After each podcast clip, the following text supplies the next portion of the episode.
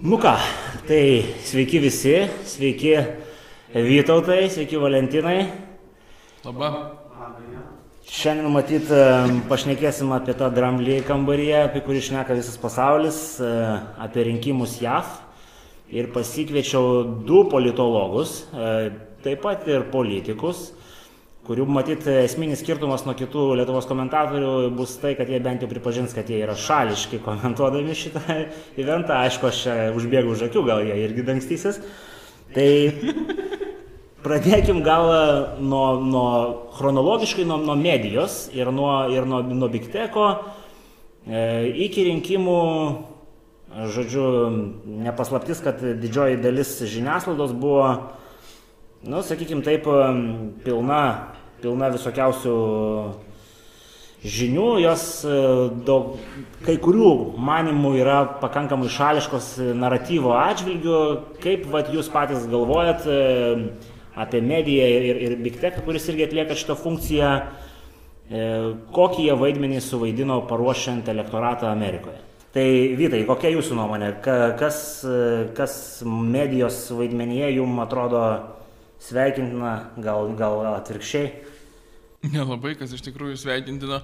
Aš sakyčiau, kad labai dviprasmiškai išėjo. Viena vertus, keturis metus buvo visų didžiausių, sakykime, išskyrus gal Foxą, bet galiausiai pasikeitų savininkams ir Foxo kryptis pasikeitė. Visų didžiausių JAF medijų buvo nuolatinė desninga pastanga vaizduoti Trumpą ir pačius respublikonus kuo blogesnėje šviesoje. Ir tas tęsiasi iki pat pabaigos, turbūt iki rinkimų. Ir dabar matom ir po rinkimų tas pats tęsiasi. Šiandien Donaldas Trumpas pasisakė, komentuodamas rinkimų, sakyčiau, skaičiavimo procesą.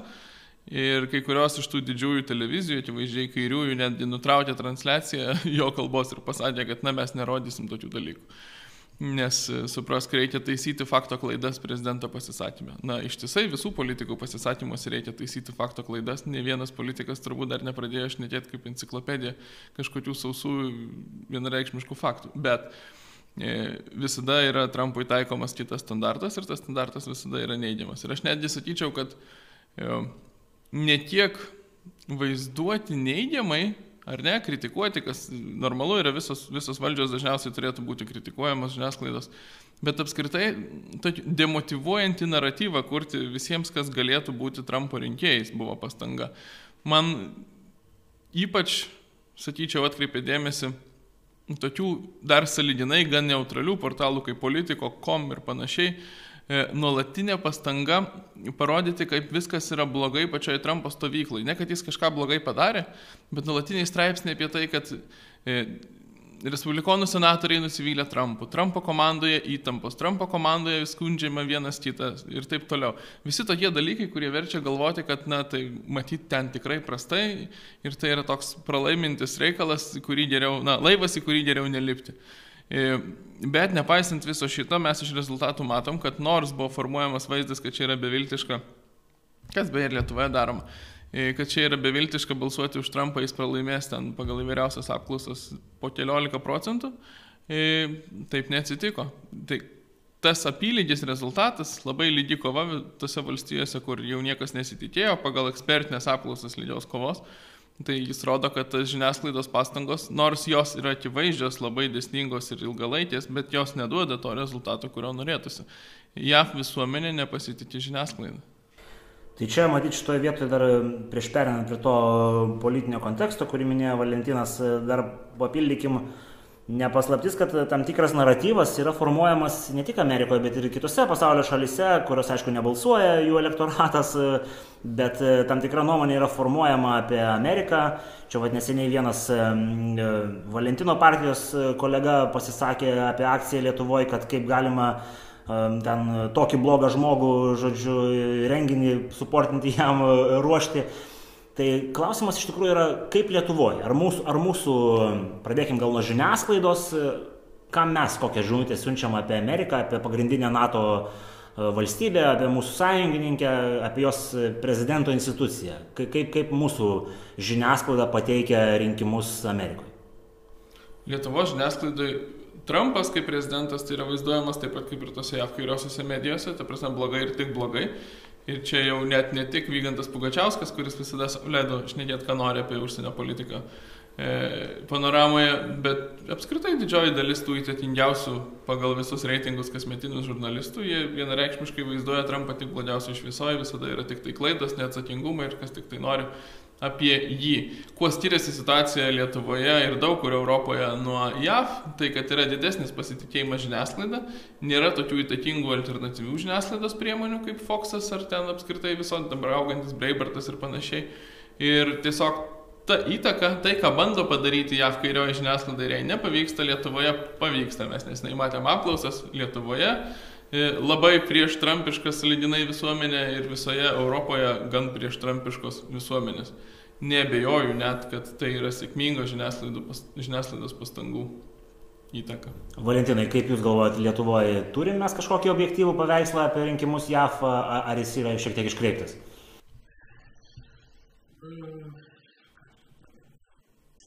Tai nieko, aš tiesiog turėjau minti, kad jeigu taip žvelgiant moksliškai į, į, į situaciją, tai tas pasiskirstimas žemėlapyje raudonas ir mėlynos spalvos, jisai tiesiog koreliuoja su tam tikrais regionais, kurie kurį laiką patiria tą socioekonominį nuosmukį, vadinkim, tai aišku susijęs su pramoninės gamybos iškilimu iš tų regionų, dėl to ten vadiname tas delta, kaip anksčiau faktorių delta.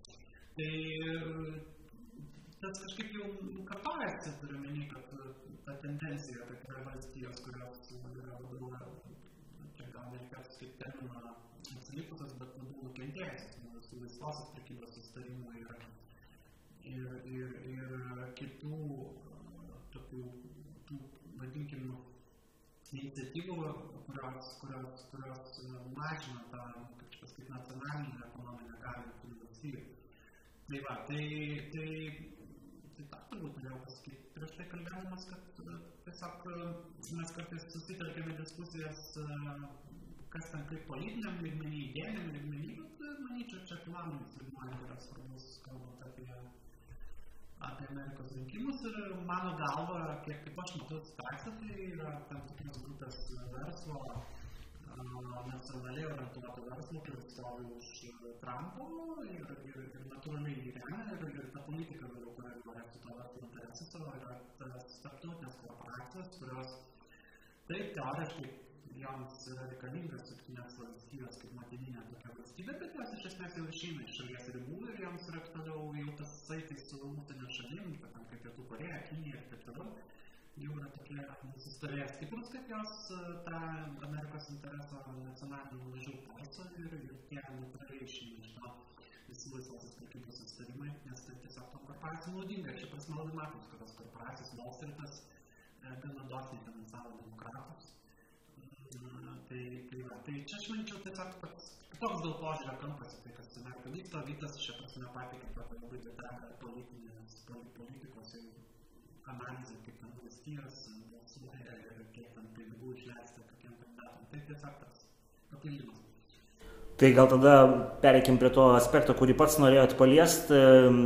Politinis kontekstas Amerikoje buvo galbūt iki tų visų dar šitų statistikų, kurie Amerikoje biškai prašojo, dar prieisim, bet e, pats kontekstas buvo, buvo tikimasi tos E, mėlynosios bangos, bet realiai mes matom, kad vyksta šiai dienai penktadienį, vat, kai įrašinėjom e, laidą, tas pats, kaip sakoma, 50-50 reikalas ir, ir, ir kas čia yra, žodžiu, koks tas kontekstas, ar visgi mes turim pilietinio karo slengsti Amerikoje, ar čia yra kažkoks montažas, ar dar kažkas, kaip pačiam atrodo. Man atrodo, kad demokratai tragiškai pralaimėjo rinkimus. E, kodėl? Todėl, kad vis dėlto laimėjo, nelaimėjo, mes lyginam dažniausiai su lūkesčiais. E, čia vat, teko ir po Seimo rinkimų paklausti studentų savo vadovų, tai sakau, tai kas yra didžiausia nugalėtoja iš tų rinkimų? Sako Laisvės partija, sakau, kodėl? Sako todėl, kad daugiausiai viršijo lūkesčius. Nesvarbu, kad ne jie daugiausiai surinko. Tai iš tikrųjų, jeigu žiūrime lūkesčius, demokratų lūkesčiai buvo sustiprinti savo e, persvarą atstovų rūmose, perimti daugumą senate ir laimėti savo prezidentą, aišku.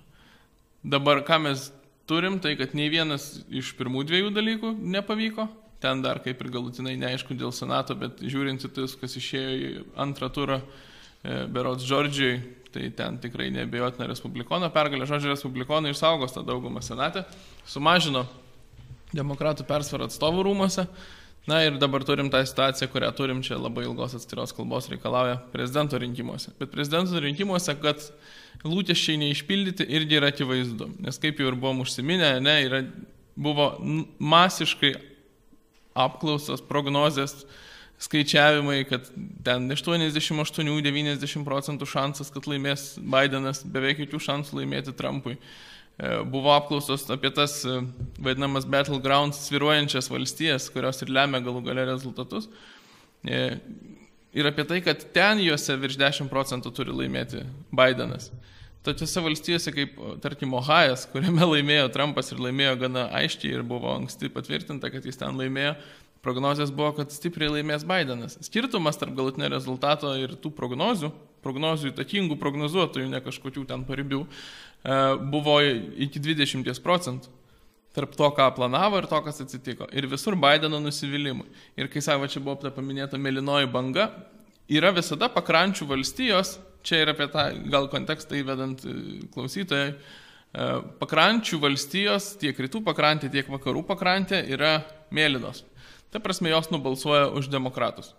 E, ir tai, kad jos yra tokios, tai kažkokios mėlynosios bangos nesukuria. Kai dabar čia kalbėjo ir hypinasi visi demokratų šalininkai ir tos didžiosios medijos apie tai, kad bus mėlynoji banga, tai ta mėlynoji banga jie įsivaizdavo, kad nusidrieks, nus, mėlynai nusidažys, tai yra už demokratus nubalsuos valstijos tarp pakrančių, vidurio Amerikos valstijos, e, tiek pietuose, tiek šiaurėje, vadinama Saulės juosta, Rūdžių juosta, kurios šiaip jau nėra garantuotos jiems.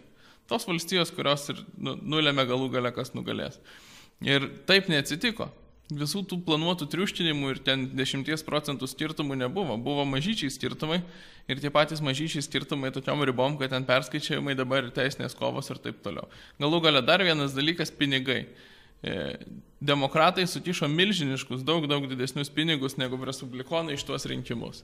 E, vien Bloombergas, Michaelas Bloombergas, milijardierius, berots 100, 100 milijonų skyrė vien Floridos kampanijai Bideną, Bidenas pralaimėjo Floridą. Skyrė dar atrodo apie 100 milijonų kampanijai senatorių e, Teksase, Floridoje ir Ohajui, jeigu nepainioju paskutinio. Visur laimėjo, nors visa žiniasklaida kairioji prognozavo, kad ten bus demokratų pergalės, laimėjo respublikonai. Respublikonai beveik visur nugalėjo daugiau, daug daugiau, ne procentais, o kartais daugiau e, finansavimo savo kompanijose turėjusius demokratų kandidatus. Tai kai tu turi tokią milžinišką žiniasklaidos paramą, kai tu turi tokią milžinišką finansinę paramą daug desnį negu oponentų, kai tu turi tuos deplorables, net nežinau kaip čia tinkamiausiai versti, išmestinais žmonėmis vadintinus e, rinkėjus, kuriuos žemina ir gazina visą laiką, ir tu vis tiek laimi, Tai nieko aš nei tiek nesistebiu, kad dabar jav žiniasklaidoje ir toje pačioje mainstreaminiai žiniasklaidoje dabar jau pilasi straipsniai apie tai, kaip Nancy Pelosi, viena iš demokratų lyderių 80 metė, bet na, dar tvirta e, e, atstovų rūmų, kaip jinai, koks čia geriausias būtų vertimas, nežinau, ar tinka pirmininkė, e, kad ji praranda pozicijas ir tikriausiai turės trauktis iš, iš tos lyderystės savo, tiesiog todėl, kad na, po jos lyderystė buvo tokie va, tragiški rezultatai. Tai dvi žinutės. Viena vertus, tai yra tradiški rinkimai demokratams, nepriklausomai nuo to, kai baigsis prezidento rinkimai. Kitas dalykas, visos, visos prognozės, visa žiniasklaidos kalba apie tai, kaip čia bus viskas sėkmingai demokratams pasirodė esą tuščia. Tai aišku, JAV dabar jau nebereikia kažkokio stebuklingo praregėjimo, jog žiniasklaida meluoja, jie jau ir taip ten daug kas supranta, kad žiniasklaida meluoja. O iki Lietuvos tas suvokimas, kad žiniasklaida meluoja, tikriausiai neateis, nes meluoja ir mūsų žiniasklaida. Tai Valentinai, gal dar kažką papildyti, šitągi, paklausėm Vyto pozicijos, gal jis čia kažkur tai nusišneka, gal reiktų jį pataisyti.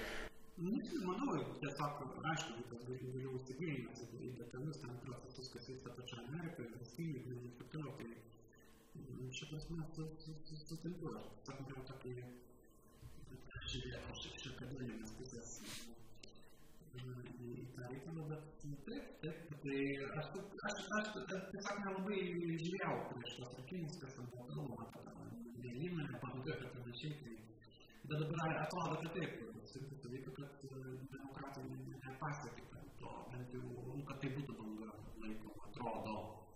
Tai tęsiant šitą mintį, va, ir ryto paklausimus, jog aš dar vieną dalyką, ką girdėjau iš Amerikos, kad e, realiai apklausų bendrovės negali to daryti vadinamo šalto skambučio Amerikoje pagal įstatymus, dėl to jas polina, žodžiu, gyvai, dėl to neprieina prie tam tikrų socialinių sluoksnių. Tai gal tiesiog yra paprasta techninė klaida, kad e, tos bendrovės neturi normalios statistikos, ar čia gal kažkas kito yra, Vytai.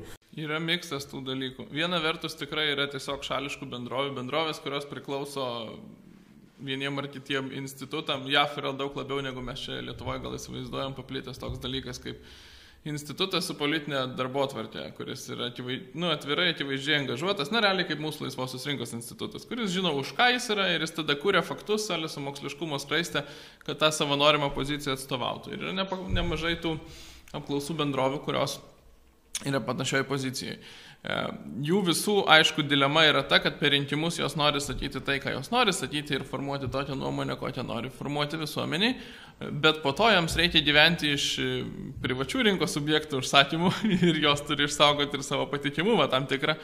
Dėl to buvo pastebėję ir JAF lietuviai tokią tendenciją, kad na, nors iš pradžių labai didelės tos būna paklaidos, artėjant rinkimams jos mažėja. Ir šiemet mes irgi matėm, artėjant rinkimams mažėjo apklausų rodoma Bideno persvara. Kaip interpretuoja bent jau respublikonai Trumpo šalininkai, kad tai yra tiesiog pastangos išsaugoti veidą. Ne, ne, nelikti taip, kad ten va, mes prognozavom 15 persvarą, o po to laimėjom procentų. E, bet problema, aišku, gal net ne šita yra objektyviai didžiausia ir pagrindinė, man atrodo, pagrindinė problema yra ta metodologinė. JAV yra milžiniškas kiekis žmonių, kurie vadinami dabar tai shy voters besigėdijantis, besikuklinantis rinkėjai, kurie yra visi už Trumpą ir kurie apklausose nedrįsta to sakyti, nes jie nuolatos savo gyvenime aplinkoje susiduria, kad tu susidursi su priešiškumu, o gal ir net kažkokiam sankcijom, jeigu tu išsiduosi, kad tu esi už Trumpą. Ir dėl to paradoksaliai, jeigu tarkim Lietuvoje, kur tokio efekto kaip ir nėra, yra geriausia kuo tiesiogiškesnis klausimas, ar ne, atvažiuoti į duris, ateiti atsisėsti virtuviai su kompiuteriu ir sakyti pakalbėkim, tai yra geriausia. Tai JAV dabar teko čia skaityti nemažai tų apklausų bendrovių ir būtent tų analitikų, kurie prognozavo 16 Trumpo pergalę ir kurie prognozavo šiemet lydė kovą, kas buvo labai reta. Visi jie sako, kad kaip tik geriausia yra A. e-mailas, kuo labiau nuosmenintas klausimo būdas. Dar geriau klausti yra ne kaip jūs balsuosite, kaip jūs manote, kaip jūsų aplinka balsuos. Kad tai neša realesnį skaičių ir tuos rezultatus. Ir Ir, na, va tokiais bandymais ir dar netgi, aš nežinau, nesu čia tiek specialistas, bet jie dar ir pritaiko koficijantus, e, kurie padidintų svorį baltųjų nekvalifikuotų darbininkų, kurie yra būtent tie, kurie yra nepakankamai reprezentuoti. Bent jau tą bandė daryti tos bendrovės, kurios rodė Trumpui lygę kovą šiemet ir to nebandė daryti tos bendrovės, kurios e, rodė milžinišką Bideno persvarą. Bet dar porą dalykų.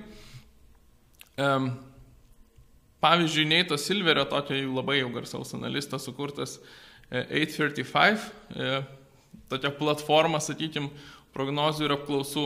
Jie 16 metais susimovė, šiemet pasakė, kad e, dabar mes pataisim, bus viskas gerai. Ir vėl susimovė. Tai tas jų bandymas pataisyti, va šituo būdu, kurį čia miniu, irgi nebuvo pakankamas. Iš dalies dėl to, kad Trumpas visus nustebino, šiemet jis jau rėmėsi nebe vien baltųjų darbininkų, nu, niekada nebuvo vien, bet ne tai, kad tai buvo ypatingai svarbi grupė, šiemet ypatingai svarbiam grupėm tapo ir ispanakalbiai, ypač tarkim Floridoje. Jis stipriai padidino savo rezultatus tiek tarp ispanų, daugiausia dėl dėl, dėl e, kultūrinių priežasčių, nes tai yra konservatyvi visuomenės grupė, ten Trumpo juk vienas iš arkliukų, pavadinkim, yra kova prieš abortus, tai konservatyvus teisėjai aukščiausiai teismą tiek ir tarp juodaodžių, kuriems jis pasiūlė tikrai daug socialinių programų, darbo galimybės pirmiausia, ir, ir tie dalykai veikia, nepaisant visų Black Lives Matter ir panašiai.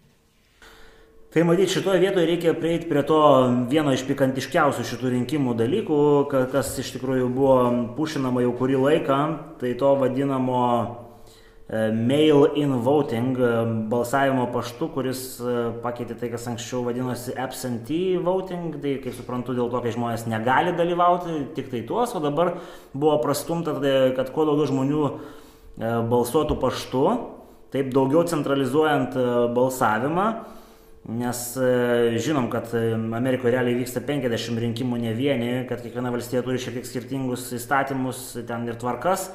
Tai yra pakankamai neparanku kai kuriam prasmėm žiūrint, e, norintiem daryti įtaką, tokią hipotezę iškelkim. Ar čia buvo kažkokia problema? Tai gal vytai, prateskit jūs, o po to duosim Valentinui. Čia buvo didžiulė problema. Tiesą sakant, tai, kas dabar vyksta, tas susiskaldimas Amerikoje, nepasitikėjimas rinkimų rezultatais, tai, kad neišvengiamai bus einama į teismus, tai, kad tikrai kuri pusė be laimės, kita pusė nepriims kaip patikimų ir juos įtikinančių tų rinkimų rezultatų, tai yra pasiekmė šito, ką darė, tiesą sakant, daugiausiai demokratų valstijos. E, truputis to konteksto čia pats gerai, bet gal truputį per trumpai pa, pa, paaiškinot. E, tie absentee voters tai yra balsai, kuriuos leidžiama siūsti paštu, balsuoti paštu, pateikus, na, kažkokią rimtą priežastį. Kad negali tą dieną, Amerikoje rinkimai vyksta darbo dieną, kas yra gan keista, gal mums čia. Jeigu negali, jeigu esi tarnyboje, kažkokia karo tarnyba ar ką, jeigu dėl lygos, na, žodžiu, dėl tokių objektyvių priežasčių, jeigu negali, tai tu gali pretenduoti į tą absentee voter statusą ir balsuoti paštu.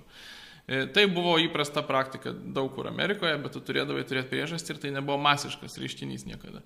Penkios valstijos visada turėjo e, tą e, mail-in voter taisyklę, kuri reiškia, kad tiesiog visi, kas nori, gali balsuoti paštu ir tai yra masiškas reiškinys.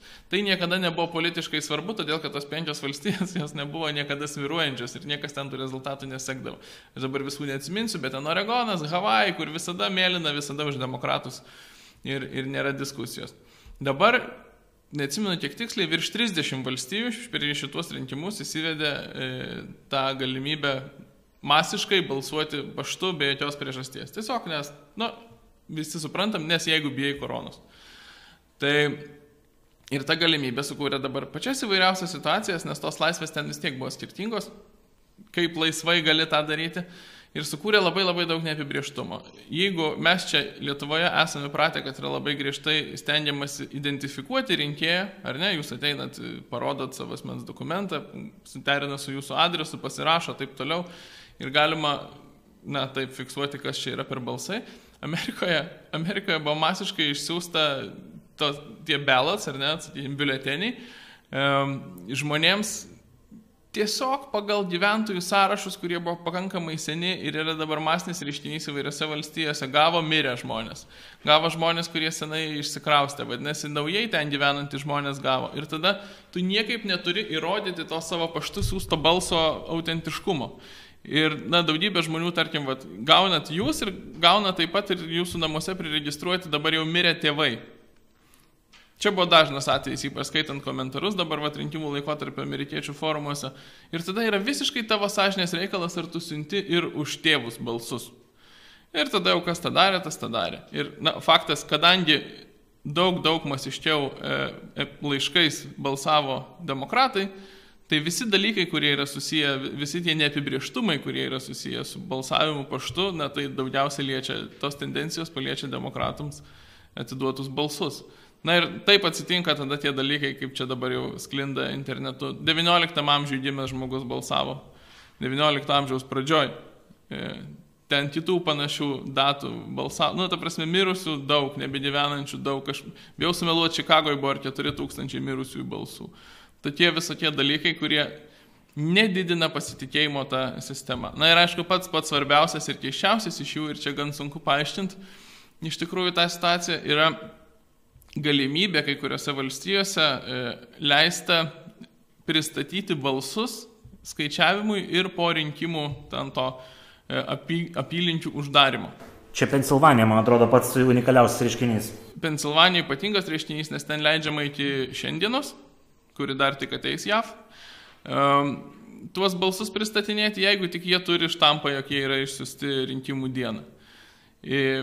Tas pats yra ir dabar irgi tampa labai aktualu ir Džordžijoje, ir dar keliose valstijose. Kame yra čia problema? Niekada tiesą sakant ir pats nesusimastydavau, kodėl Lietuvoje per rinkimus mes pirmiausia turim suskaičiuotą, kiek balsavo, o tik tada skaičiuoja, kas už ką balsavo. Atrodo, jis skaičiuodamas, kas už ką balsavo, suskaičiuos ir tiek, ir nieko čia tokio. Bet kas atsitinka, kai tu turi konkretų skaičių, kiek yra balsavusių, kuris jau nebegali keistis, tu gali aiškiai matyti tendencijas, tu žinai, kur kiek liko kokių galimybių ir taip toliau. Ir tarkim, Džordžijoje buvo visiškai aišku jau rinkimų dieną Lietuvoje rytą, lapkričio ketvirtos, kad balsų, skaičiuojant nuo to, kas jau yra atėję, nebėra galimybės ten kaip nors Bidenui aplenkti Trumpo, tiesiog todėl, kad iš tuo skaičiaus, kiek jau yra atėjusių balsų, išlikusių, na, ten turėtų būti 90 procentų Bideno, kad jis aplenktų tą Trumpo persvarą. Bet jie ateina ir ateina vis nauji. Čia man šiandien spėjau pasižiūrėti, Džordžijoje per naktį e, priartėjo keliasdešimčia tūkstančių e, Bidenas prie Trumpo, bet estimate, prognozė, kad kai buvo 50 tūkstančių lygiai suskaičiuoti, taip ir liko 50 tūkstančių skaičiuoti. Ir tu niekada nežinai, kiek tų balsų dar ateis. Toks amžinas žaidimas. Pensilvanijoje tas pats vyksta tik ne 10 tūkstančių, o milijonais. Pensilvanijos gubernatorius, aišku, ir demokratas, čia šiomis dienomis, man atrodo, vakar sakė, mes laukiam dar milijonus daugiskaitą balsų paštu. Po to pasitaisė, kad virš vieno milijono. Bet, ta prasme, tas procesas jis yra nu, visiškai neprognozuojamas nėra įmanoma ir aš nemanau, kad kaip nors sugebės įrodyti, kad jam nors teismo procese Trumpo teisininkai, kad tie balsai yra suklastoti ar kažkokie. Ne apie tai kalba. Kalba yra apie patikimumą. Ko pasitikėjimą rezultatais visuomenėje kelia va toks procesas. Ir kaip į to proceso dar prisideda tokie nesusipratimai, nesusipratimai kabutėse, e, kaip neprileidimas stebėtojų, dalykai, kurie, tarkim, Lietuvoje Ne, mes... Tai dėl stebėtų dar prieisim. Prie gerai, gerai. Tai žodžiu, bendra tendencija yra daugybė, daugybė mažų dalykų, kurie kelia nepasitikėjimą rinkimų procesu ir kai jie visi susideda į visumą, tai man atrodo nebejotina, kad nepaisant to, kai baigsis teisminiai procesai, aš labai abejoju, ar koks nors teismas išdrįstų atšaukti tuos rezultatus. E, tikėjimo rezultatais ir kad jie tikrai yra skaidrus ir sąžiningi visuomenėje bus labai labai nedaug. Tai Valentinai, kaip vat jum e, šitas reikalas e, balsavimas paštu ir tas faktas, kad e, nereikia pateikti ID, tapatybės kažkokio dokumento ir prieš tai yra kovojama jau kurį laiką, kaip kažkokia žmogaus teisė pateikiama, kad ne va, jeigu paprašai bals, balsuotojo ID, tu pažeidi kažkokią jo teisę, kad reikalauji iš jo kažko per daug. Kaip va čia atrodo visi šitie dalykai mums iš Europos konteksto žiūrint? Nu, čia ką Vytas papasakojo, aš truputį e, apie tos balsavimus paštų skaičiau, tai e, aš tiesiog nežinau, gal Vytas patikslins, bet e, aš nesu girdėjęs, kad apskritai kažkaip pasaulyje toksai būtų dalykas, kaip, ką dabar čia amerikiečiai yra sugalvoję tos valstijos, kad balsavimas be pateisimas priežasties paštu, nežinau, galbūt dar yra kažkur.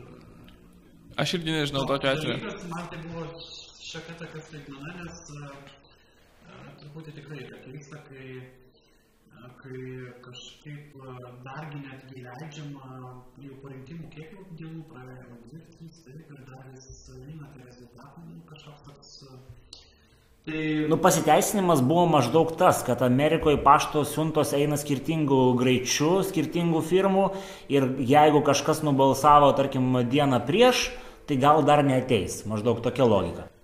Aš suprantu, bet e, žiūrėkim tą patį pavyzdį, čia paminėta buvo COVID situacija. Tai ar Lietuvoje, tarkim, rinkimai dėl to COVID kažkaip buvo e, sutrikdyti ypatingai, netgi procentas buvo didesnis negu 16 metais, tai turbūt čia nėra motyvas tas COVID, aš manau, kad čia su tais laiškais kažkoks yra tikrai labai keistas dalykas ir manau, kad dar Amerikoje vyks diskusija dėl to. Kodėl tai buvo, kam tai naudinga, ir vėlgi precedento tokio pasaulyje aš kol kas ne, neprisimenu, kad toks būtų liberalus čia maždaug požiūrės balsuokit paštu. Ką Kavitas pasakoja, aš ne, ne, nesu skaitęs dėl tų visų klastojimų tapatybių, bet jeigu yra tas faktas, kad nu, tikrai yra nereikalaujama ID, tai, tai kaip, ta prasme, tai čia galima nueiti labai iki įdomių dalykų. Tai demokratai. Demokratų atstovai ir sako, tasme, jeigu tu tipo, pareikalauji iš kažkokio vargšo nepasiturinčio ID, o jis turi tik tai vairuotojo pažymėjimą, tai tu jau pažeidi žmogaus teisės. Kad daug. Tai... iš vargšo nelegalų imigrantų, jeigu pareikalauja ID. Taip, tai kažkada čia, man atrodo, buvo ir tos visos akcijos, kad mm, tam tikrų mažumų teisės yra pažeidinėjimas ir taip toliau. Tai, tai tų tokių protesto formų mes matom labai daug ir Lietuvoje beje, tokias buvo protesto formas ir mitingai prie Seimo ir, ir visokie judėjimai prieš kaukės ir taip toliau. Tai tą dalyką čia tikrai nesudėtinga yra suorganizuoti, jeigu labai reikia ir veikti su tais tokiais judėjimais ir tokia kritika tam tikrus politinius procesus. Bet, sakau, dėl to pašto dalyvavimo, vadinkim, taip, man tai atvejis. Aš berots dar atsimenu tokią vieną iniciatyvą, nežinau, kiek jinai yra, jeigu atmintis neapgauna dėl demokratų intencijos e, tokias teritorijas kaip Puerto Rikos paversti valstybėmis, beras tai buvo demokratų iniciatyva. Mm.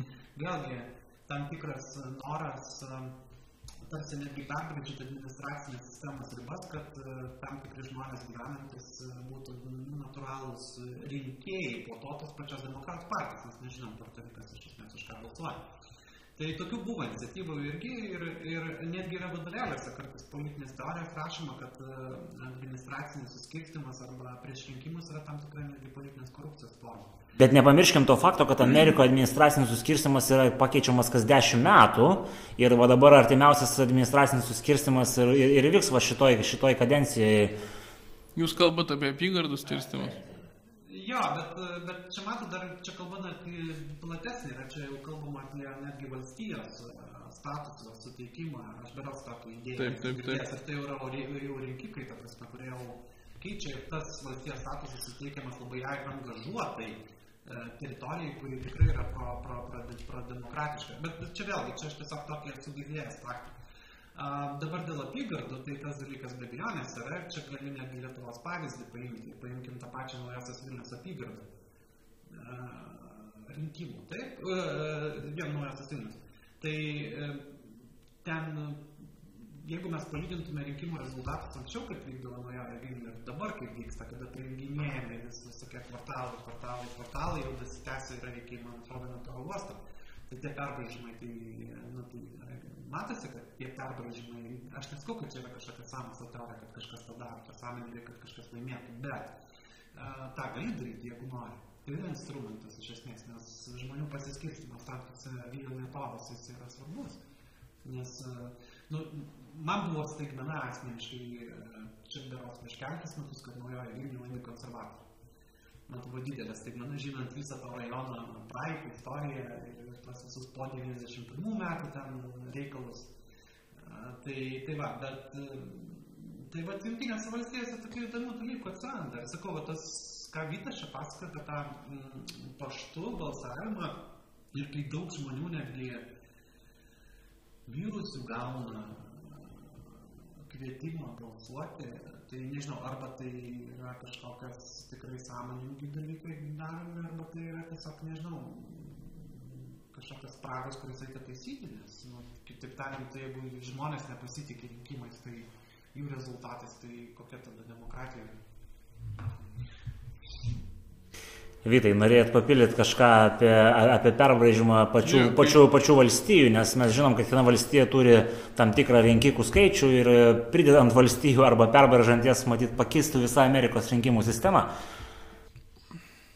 Kai užsiminėte apie Puerto Riką, tai aš prisiminiau šitą. Kodėl ir kairieji, ir dešinieji sutiko, kad tai yra ir visur skambėjo tokia frazė - svarbiausi rinkimai Amerikos istorijoje. Ir dėl ko ir tas aktyvumas, aš manau, buvo toks didelis ne tik dėl to, kad ten užsimobilizavo per ralius ir panašiai, bet ir dėl to suvokimo. Po Trumpo kadencijos ir po jo paskirtų teisėjų, demokratai suprato, kad pagal esamą žaidimo taisyklės jo padaryta žala jų suvokimu, jų vizija Amerikos yra per didelė. Dabar yra Trumpo sustatytas mažiausiai 30 metų į priekį konservatyvus konstitucinis aukščiausiasis teismas, kurio demokratai niekaip negali pakeisti. Ką jie pasakė? Jie pasakė, kad mes išplėsim, jeigu bus patvirtinta šitą Amy Coney Barrett, jo paskutinė prieš rinkimus paskirta teisėja, mes išplėsim aukščiausiai teismą tiek, kiek reikės ir pridėsim naujų teisėjų, kad susibalansuotų. Na, kai sako susibalansuotų, tai kad vėl būtų leftistinė persvara.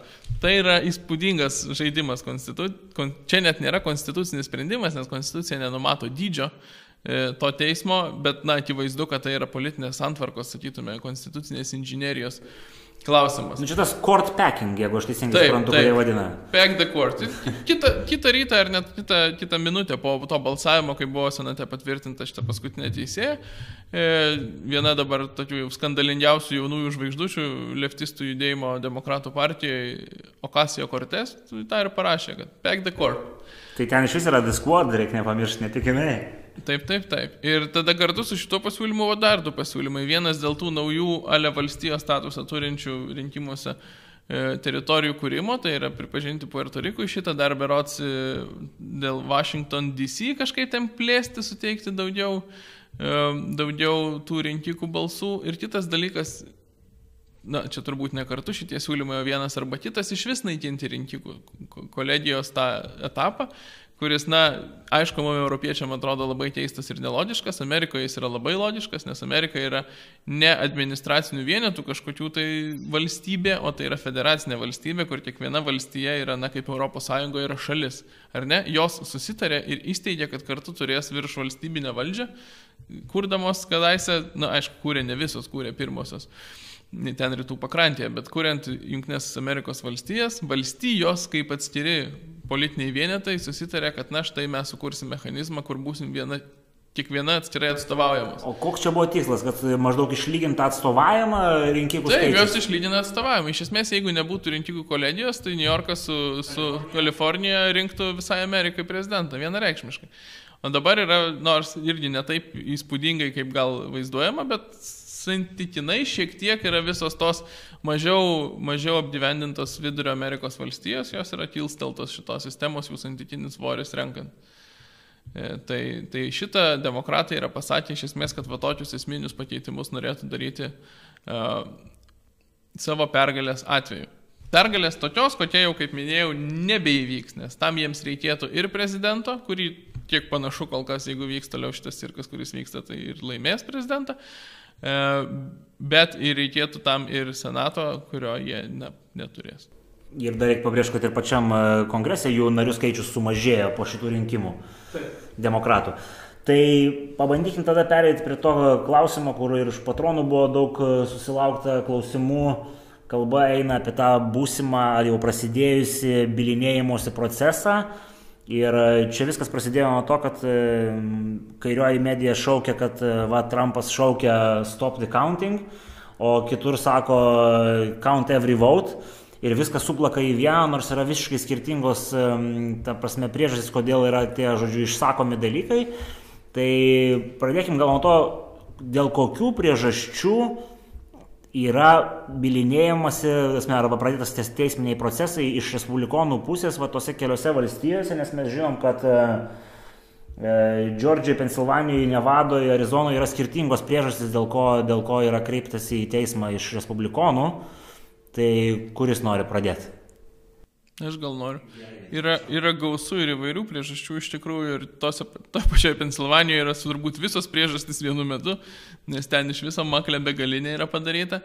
E, atsitiko kas rinkimų naktį. Penkios berots valstijos ar šešios sustabdė skaičiavimą, e, beveik visos valdomos demokratų, sustabdė skaičiavimą konkrečiu metu, pirmaujant ir didinant persvaras savo Trumpui.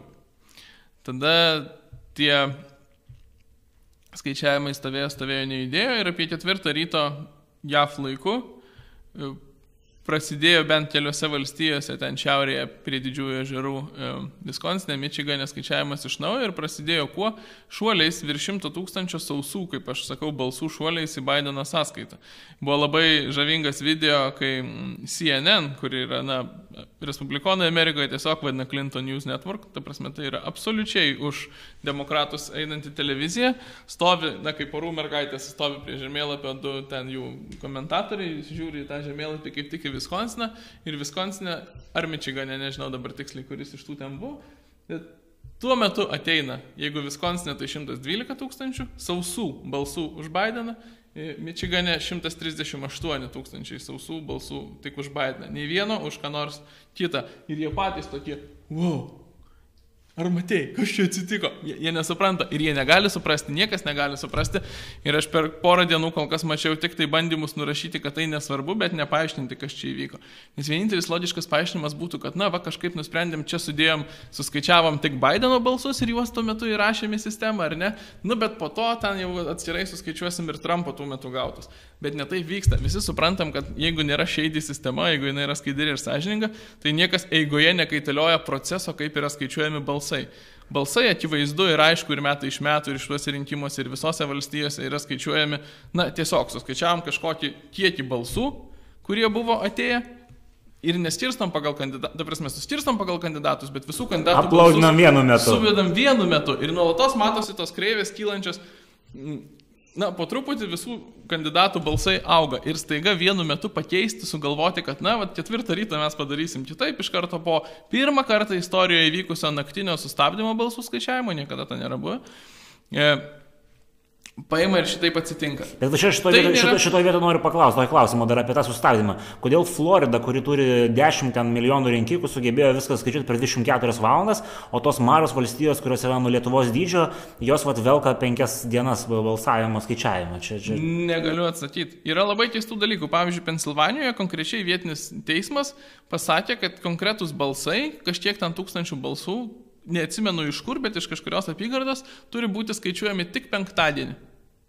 Ir jie pagal teismo sprendimą neturi teisės anksčiau jų skaičiuoti, net jeigu sėdėtų ir birbintų lūpą, nes jau visą kitą būtų suskaičiavę.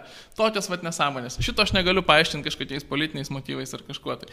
Iš tikrųjų labai keista, nes Taip, kokia nors Nevada yra labai nedaug rinkėjų salidinai turinti valstija, bet jų dabar jau memai vaikšto, kai visas pasaulis laukia rezultato, o Nevadui sėdi atseit tie žmonės, kurie turėtų skaičiuoti ir žaidžia kortam.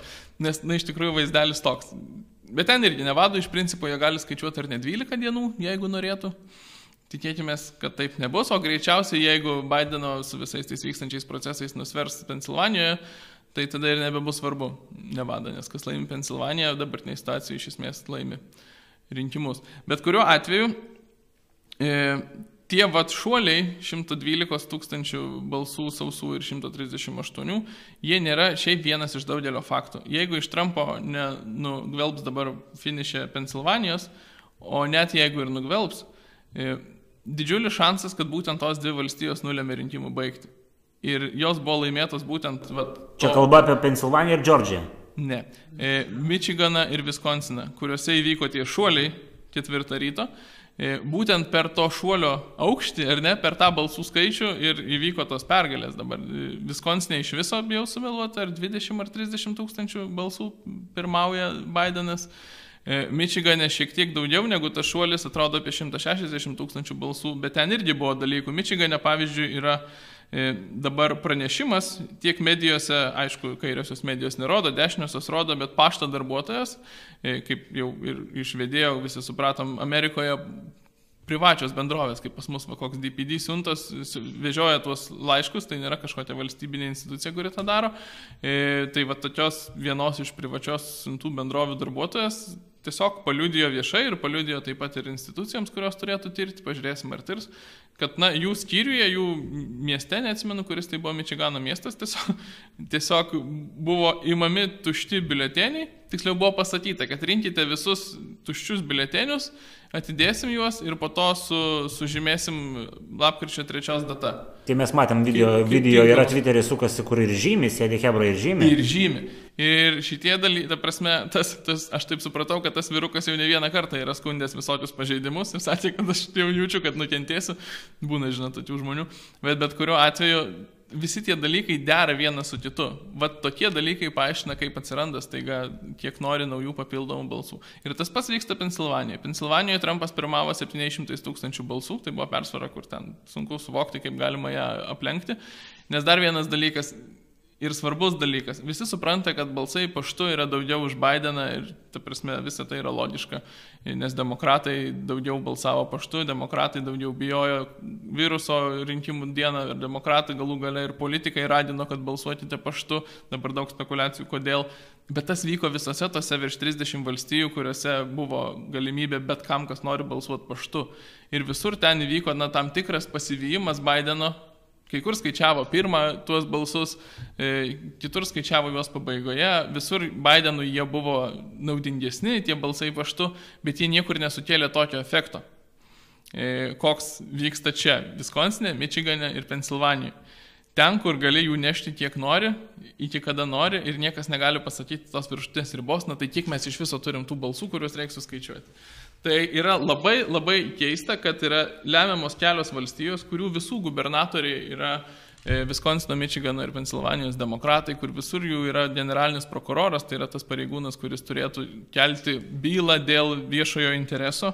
Jeigu matytų tokį pažeidimą, yra demokratai, Pensilvanijoje generalinis prokuroras atvirai agitavo už demokratus rinkimų metu. Pensilvanijoje ir du, du, du teismai jau pasisakė žemesnio, žodžiu, levelio ir, ir tas Supreme Courtas jau vietinis irgi atmetė Trumpo tą, žodžiu, litigationą. Visą. Ir tai visiškai nestebina. Tai prasme, jeigu tu nesugavai kažkokiais, nu, taip sakant, už rankos ar ne, kaip tu gali įrodyti šitą procesą? Niekaip, tu gali tik žiūrėti skaičius ir matyti, kad jie yra visiškai nelogiški. Bet kita pusė gali tai šipsotis ir sakyti, na, nelogiški, na ką. Ir jeigu neįrodai paties pažeidimo, tai tu teisme tikrai nieko nepasieksi. Ir aš nemanau, kad ten kokie be būtų geri advokatai surinkti, net nesvarbu, kurioje pusėje, teisme tai nėra apginama. Čia neįrodysi kažkokios kalties, čia gali sakyti, vis, rodyti visišką nelodiškumą. Analitikai, bent jau tie, kurie sąžininkai analitikai, matys, kad tas nelodiškumas yra, stebuklų nebūna, neįvyksta trijose svarbiausiose valstijose viskas po, po, politinės sociologijos prasme visiškai kitaip negu kitose. E, bet tai, tai ne, nelems kažkokio teismo sprendimo. Valentinai, va dar aš papildysiu klausimą fundamentaliai. Jeigu demokratijos tėvynėje yra suabejojama, žodžiu, pačios sistemos funkcionavimu, kokia tai galėtų būti pasiekmė ne tik pačiai Amerikai, bet galbūt ir, ir, ir plačiau? A, tai čia, sakau, aš tokių faktų dabar išgirdau, kad net, net įdomu pasidarė, nes tikrai nežinau, kaip ten tie tūkstančiai atsiranda. Liūdnas atvejs, nes mes turėjom čia tą visą vendetą prieš kurį laiką, ne va tai rusai ten kišasi į Amerikos rinkimus, čia po Trumpo pergalės ir taip toliau. Ir kaip viskas buvo principingai tyriama, žiūrima, kaip, ar ten kažkokias svetimas valstybės neįsikiša ir taip toliau. Ir, ir, ir, ir dabar tokią situaciją turim, ką, ką dabar čia kolega Vytautas nupasakojo. Tai, tai fundamentaliai žiūrint, labai prastas precedentas, nes ką mes jau ir sakėm, kad jei, ne, aš nemanau, kad tik analitikai matys tos netitikimus, tik analitikai suvoks, kad yra kažkokie mm, kontroversijos. Žmonės tą mato, nes vėlgi sakau, Amerikoje labai yra mm, pozityvus dalykas, kad ten yra ne tik tai, kaip čia išsireikšta buvo Clinton cable service, bet ir, ir, ir tos alternatyvios medijos ir manau, kad jos vis tiek transliuos tą žinią visuomenėje Amerikos ir, ir tai tikrai neprisidės, manau, kad prie, prie, prie kaip čia kartais sakoma, kad demokratai tokie yra vienytojai šalies, bet e, tokie atvejai aš manau, kad jie priešingai dar labiau skaldys, nes nes um, nu, tikrai kelia abejonių. Ir tas paš, paštų balsavimas ir, ir tų duomenų kažkokie tokie pokyčiai, e, stabdymų balsavimo ir tas ilgas skaičiavimas. Nu, aš nemanau, kad tai tiesiog tam reikia būti politologo analitiku, kad suprastum, kad čia kažkas truputį kvepia neskaniai. Aš nesakau, kad e, neturiu aš įrodymų, faktų kažkokių, kad ten kažkas yra pažeista arba kažkas klastojama, bet uh, bet e, tai nėra labai. Ir šia prasme nepasitikėjimas, e, tas augimas e, visom institucijom, na tai vėlgi tai yra labai negatyvus ženklas ir, ir, ir jau mes, vėlgi čia vis, tas tokias nuorodas į Lietuvą darau, bet pažiūrėkit mūsų tas pasitikėjimas irgi teismais, Seimu, kokį jisai duoda po to efektą. Tai kad 70 procentų žmonių galiausiai pasako, kad nesvarbu, kas čia valdys tą šalį. Tegu valdo, kad čia nesikeičia. Tai va tokie, tokios pasiekmes gali būti ir kitose šalyse. Ir apskritai tas yra toksai demokratinio proceso erozinė, erozinis toks dalykas, kai tarsi mes įsivaizduojam, kad jau balsų skaičiavimas yra tas aukščiausias, jau aukščiausia vertybė, kur, kur tikrai neturėtų būti kažkokių kišimų, klastojimų jau tose brandžiose demokratijose, tai čia gal JAV ne tėvynė, Graikija tėvynė, bet brandi demokratija. Bet tai tiesiog leidžia netgi ir po to užsienio šalims, man atrodo, Irano lyderis jau pasisakė, kad Amerika vyksta cirkas, tai mes taip ir iš tikrųjų ta demokratija taip pat rašona, atrodo, kad... Irano lyderis gal tiesiog pačius rinkimus turėjo galvoje, kad kokie ten cirką daro. tai buvo nuoroda, kad pažiūrėkit, koks cirkas Amerika. Taip, taip. Maždaug net balsų nesugeba susiskaičiuoti. Tai, nu, tai taip, ir vat, toks yra požiūris, bet man tai labiausiai gaila, kad mm, žmonės tiesiog Lietuvoje tai mes tai tikrai matome yra nusivylimas, visiškas institucijom, nepasitikėjimas ir kas iš to šaliai, šaliai turbūt tai nieko iš to, nes valdžia išrenka savo saujelę žmonių ir ką mes po to. Tu prasme, po to mes tiesiog keturis metus sakom ir skundžiamės, kad išrinko tuos arba ne tuos. Ir, o, o realiai mes turim situaciją, kad didžioji dalis tautos net nėra atstovaujama kas iš to, aš abejoju, kad tai yra labai naudinga, nes dabar tikrai Lietuvoje, aš manau, per kitus keturis metus bus tas toksai, kad nepasitenkinimai maždaug žmonių, kad vėl ne tie ten maždaug valdžiasi. Visada. Taip, tai bet, bet vėlgi aš tada žmonių klausiu, atrodo, turit klausti žmonių, kodėl jūs neimate rinkimus, bet jie neina rinkimus dėl to, kad, kad, kad jie mato, kad O kas iš to? Kas bus? Tai va, aš labai to Amerikai, bet čia atrodo rinkimai viltingai, matai, kai didelis dalyvavimas buvo, kiek aš skaičiau, taip, tai... tai rekordinis. Rekordinis, netgi jo, tai nepaisant netgi to viso viruso, tai gal taip nenutiks, aš labai linkėčiau Amerikai, kad nebūtų kaip Lietuvoje, kad kad 70 procentų žmonių tiesiog rinkimai yra, o tiem likusiems 30 netgi žinokit irgi iš dalies ritualas negu kažkoks labai svarbus įventas gyvenime. Tai Vytai, Jeigu dar ką, ką, ką pats manot? Apie pasitikėjimą ir apie e, šitągi skaičius dar truputį aktyvumo. Tai apie pasitikėjimą, tai aš galvoju, yra, žinot, skirtingams, skirtingiems subjektams skirtingai svarbu yra to pasitikėjimo neprarasti. E, Čia kaip prieš keletą metų liberalų sąjūdis e, susitėpė korupciją, tai jiems tai buvo labai skausmingai, nes jie turėjo pasitikėjimą, jie, jų rinkėjams buvo svarbu tikėti, kad tai yra skaidri partija ir kai jie tą paaiškėjo, kad nėra, tai labai labai daug kas nuo jų nusisuko. Kokiai nors darbo partijai būtų nieko nereiškęs toks skandalas, nes būtų dar vienas iš daugelio, jų pirmininkas būtų pasakęs, kad čia šmeištas ir nieko nėra ir būtų toliau gyvenę kaip buvę. Tai Amerikoje panašiai yra, viskas, kas yra prieš Bideną, yra vadinamas smear campaign, žodžiu, o viskas prieš Trumpą yra faktai.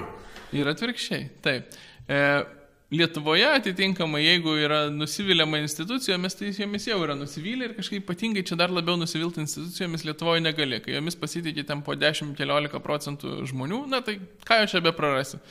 Amerikoje yra didžiulis pasitikėjimas institucijomis, jie didžiuojasi savo institucijomis. Taip pat dabar, sakykime, Sheen Hannity e, iš Foxo komentavo tą visą rinkimų cirką, kurį ir mes čia komentavom. Jis pradėjo savo pasisakymą gal trečdalį laiko skirdamas būtent tokiam pašlovinimui vis dėlto, kaip mes didžiuojame savo institucijomis, kiek daug Amerika yra gero padariusi, kokia tai yra šauni didi šalis ir kokia mūsų demokratija šauni, bet nepaisant to ir ypač dėl to šiandien yra labai gėda dėl institucijų darbo. Jiems tai yra sukretimas, jiems tai nėra kasdienybė, kad va šitaip prastai vyktų procesas, jie yra įpratę prie procesų skaidrumo, jie iš dalies turi ir tokias tas palaidas taisyklės, ar ne, nu, Lietuvoje neįmanoma įsivaizduoti, kad balsuotum nepateikęs dokumento, ar ne, o ten gali, gali ir anksčiau, juk ne šių metų šitą yra naujovė, jie turi tokias palaidas taisyklės iš dalies ir dėl to, kad yra pasitikėjimas didžiulis institucijomis, kad klastojimas nebus. Ir staiga nors tu neturi jokių konkrečių įrodymų, bet tu turi daugybę aplinkybių, kurie verčia nepasitikėti. Viena iš tokių aplinkybių, ir tada užbaigsiu skaičiais, Pensilvanijoje čia labai Trumpas, aš sakyčiau, be reikalo, taip jau didžiavosi, laimėta teisinė kova dėl galimybės respublikonų stebėtojams stebėti skaičiavimą e, balsų Pensilvanijoje. Vėl apie ką? Reikia teismo sprendimo, kad stebėtojai galėtų ateiti stebėti. Neįtikėtina. Vėl Lietuvoje tu galvotum ką, bet pirmą, skaičiuojantis balsus neįleido be teismo sprendimo, o kai vyko teismo sprendimas ir ten buvo pasakyta, kad per šešias pėdas, tai per du metrus nuo balsų skaičiavimo stalo turi būti prileisti ne, nebuvo pasakyta, kad balsų skaičiavimo stalo, buvo pasakyta, kad ten tam tikros ribos, pro kurią nepraleidinėjo. Tai kad du metrai nuo tos ribos turi būti prileisti stebėtojai, kad nu, jie netrukdytų darbo, bet jie galėtų matyti, kas vyksta.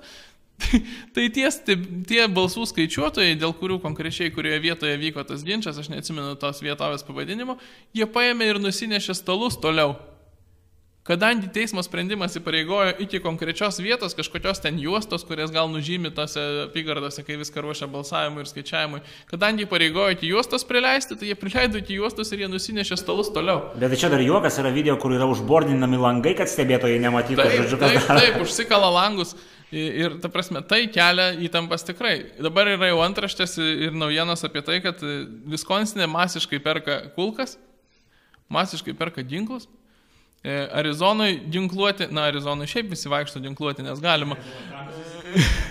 Arizonai ginkluoti e, protestuotojai renkasi prie balsų skaičiavimo vietų ir ten užsikalinėja langus tie balsų skaičiuotojai. Na, ta prasme, įtampos lygis yra va toks, ką aš noriu pasakyti. Ir čia atmesti, atmesti kad viskas praeis taikiai, tai tikrai yra anksti ir nėra pagrindo. O paskutinis dalykas, va čia užsiminėte apie aktyvumą. Tai tie aktyvumo skaičiai būtent tose dviejose apygardose valstijose, kuriuose įvyko stebuklingi Bideno šuoliai, yra kosminiai be abejo. E, buvo fake news, kad Viskonsinė buvo daugiau balsuojančių negu turinčių balso teisę. Taip nėra, e, bet yra pačios valstijos paskelbta statistika, kad aktyvumas buvo 89 procentai. E, aktyvumas, aktyvumas visada ten būna apie 69-72, žodžiu, šuolis aktyvumo yra 20 procentų. Sakytum, gal įmanoma, juk visoje Amerikoje buvo didelis aktyvumas. E, bet ne, tiek Viskonsine 20 procentų pašoko aktyvumas, tiek Čika, ne Čikagoje, Mičigano valstijoje apie 15 procentų pašoko aktyvumas. Visoje Amerikoje apie 7 procentus pašoko aktyvumas. Tose dviese valstijose, kuriuose įkrito magiškų balsų ir kurių balsai yra absoliučiai lemiami galutiniam rezultatui, aktyvumas pašoko dvigubai daugiau negu visoje Amerikoje. Kaip? Kodėl? Na, turbūt jų politikos mokslininkai paaiškins, kaip tokie dalykai atsitinka. Tai manau šitą gerą natą ir baigiam, kadangi prie Amerikos dar grįšim šį mėnesį, tai dėkui Valentinui, dėkui Vytui, dėkui visiems, kurie žiūrit kurie subscribinat, kurie remet, kurie dar nesubscribinat ir dar neremėt, prisidėkit ir iki kitų kartų.